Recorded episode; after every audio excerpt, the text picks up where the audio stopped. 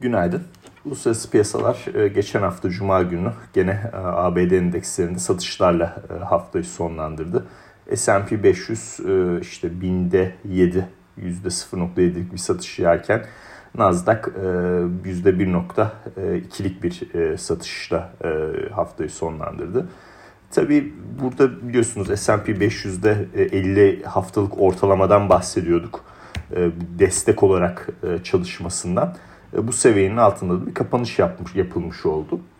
E, şöyle hızlıca o seviyeyi bir daha e, söylememiz gerekirse haftalık grafiği açtığımızda işte kapanış 4348 50 haftalık ortalamada 4393 seviyesinde bulunuyor. Ne kadar hızlı bir şekilde bu seviyenin üzerine atabilirsek o kadar iyi olacaktır. Ama tabii artık bu anladığım kadarıyla e, para politikası risklerinden çok jeopolitik risklerden ötürü e, bir miktar daha aşağı yönlü hareketlerin devamı e, söz konusu olacak gibi. Ama bunların sınırlı olacağını düşünüyorum. Şimdi şöyle ikiye ayırıyorum piyasadaki fiyatlamaları. Bir para politikası, iki jeopolitik taraf. Cuma günkü jeopolitik, Cuma günkü podcast'te jeopolitik tarafla ilgili Wall Street Journal'ın yaptığı telekonferansta aldığım e, noktaları paylaşmıştım sizde. E, özünde e, yani şöyle bir tek cümlelik bir özete indirmemiz gerekirse Amerika'nın ya Rusya'ya yazılı bir savunma güvencesi vermesi gerekiyor ya da Ukrayna'nın bu NATO olayından vazgeçmesi gerekiyor. Diğer türlü bu iş kısa vadede çözülecek gibi bir durumda değil. Zaten hafta sonundaki gelişmelere bakarsanız işte e, Rusya'nın Belarus'taki askerlerini e, tutmaya devam etmesi, Amerika'nın işte Kiev dışında farklı şehirleri de Rusya'nın işgal edebileceğini belirtmesi bu işin tırnak içinde iki taraf savaşma istemese bile tırmanma, escalate etme durumunda olduğunu bize gösteriyor. Dolayısıyla burada e, dediğim gibi ya işte yazılı bir güvence e, Amerika tarafından verilecek, NATO tarafından verilecek ya da e, Ukrayna'nın bu sevdasından vazgeçmesi gerekli olan bir durumla karşı karşıyayız açıkçası. En azından bunu ben demiyorum yani onu da söyleyeyim ben yani Rusya Ukrayna arasında böyle e, uluslararası ilişkilerde doktora yapmış falan biri değilim. Benim uzmanlığım finans piyasaları günün sonunda yatırım ve finans piyasaları. Ee, ancak e, benim bu konuda uzman olan kişileri dinlediğim noktada aldığım görüşler bu şekilde olduğu için e, sizle bunu paylaşıyorum. İkinci konu para politikası. E, benim daha iyi olduğum bir konu. Para politikasında beklediğimiz gibi hareketlenmeler devam ediyor. Mart ayındaki işte o 50 bas puanlık artış olasılığı giderek azalıyor. E, Cuma günü işte Williams'ta Bernard'ın konuşmaları vardı. E, biri New York Fed Başkanı, diğeri de Fed'in başkan yardımcısı. İkisi de 50 bas puanlık artışın e, çok gerçekçi olmadığını söyledi. Şu yani olasılıklar da işte Fed tutanakları öncesi 0.65'lerden 50 bas puan artış şu anda 0.23'e yani %23'e %65'ten %23'e gerileyen bir olasılık söz konusu öyle söyleyelim. Bu hafta e, tabii ne öne çıkacak? E, malum jeopolitik tarafta e, Amerika ve Rusya görüşmeleri öne çıkacak. Ekonomik veriler tarafında ABD'den PCE verisi geliyor, işte tüfe verisi gelecek. O ağırlıklı olarak takip edilecek. Ee, onun dışında e, şirket bilançoları var. İşte Beyond Meat e, gibi, Alibaba e, gibi şirketlerin e, bilançoları açıklanacak. E, daha çok Perşembe günü e, geliyordu diye hatırlıyorum bilançolar. E, bu şekilde takip edeceğiz. E, bugün e, ABD piyasaları kapalı. E, işte başkanlık günü olduğundan ötürü. E, dolayısıyla çok da uzatmak istemiyorum. Ee, bugün spot piyasa kapalı, ee, vadeli piyasalar açık. Ee, vadeli piyasalardaki fiyatlamaları izliyoruz.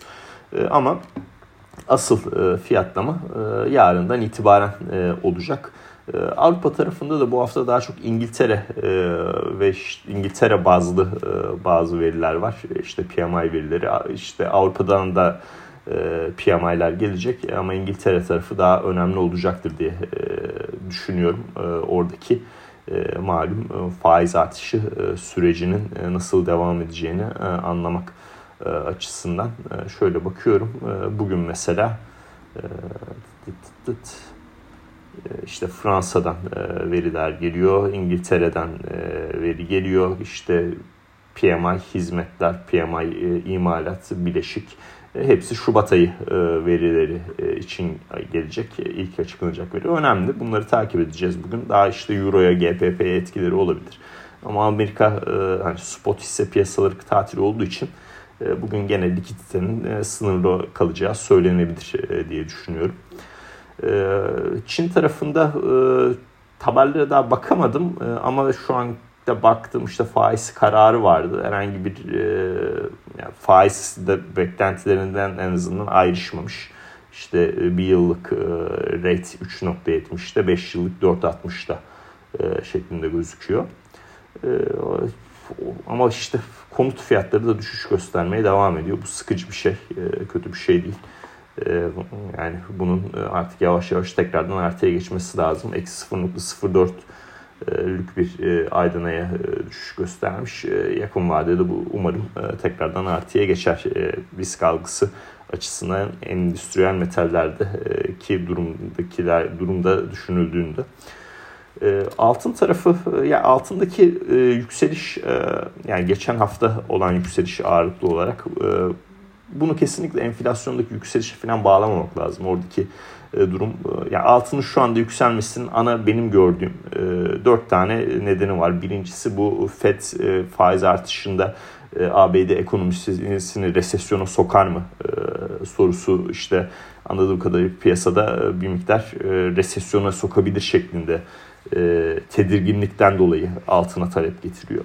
Böyle bir şey olacağını ben kesinlikle zannetmiyorum yani. 12-18 aylık bir zamanda ben sadece ben öyle bir e, verim eğrisinden öyle bir sinyal de alınmıyor açıkçası. E, öyle bir durum 3 aylıklarla 10 yıllık e, getiri farklılığı söz konusu değil. E, dolayısıyla o talebin e, azalacağını e, ben düşünüyorum. İkincisi jeopolitik durum. E, yani bunun biliyorsunuz Rusya-Ukrayna olayı. E, bu işte güvenli liman e, talebi.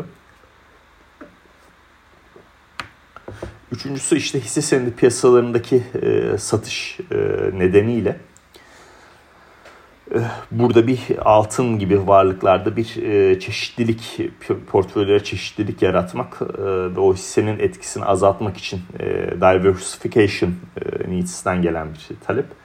E, dördüncüsü de Rusya değerli metallerde çok önemli bir ihracatçı.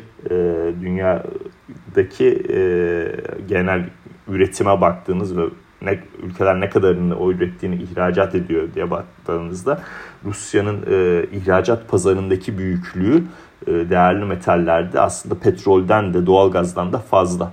E, dolayısıyla burada e, belki bir miktar e, piyasa e, olası e, yaptırımlarda acaba buradan alınmazsa eğer e, bir arz azalışı olup fiyata pozitif yansır mı diye de düşünüyor olabilir.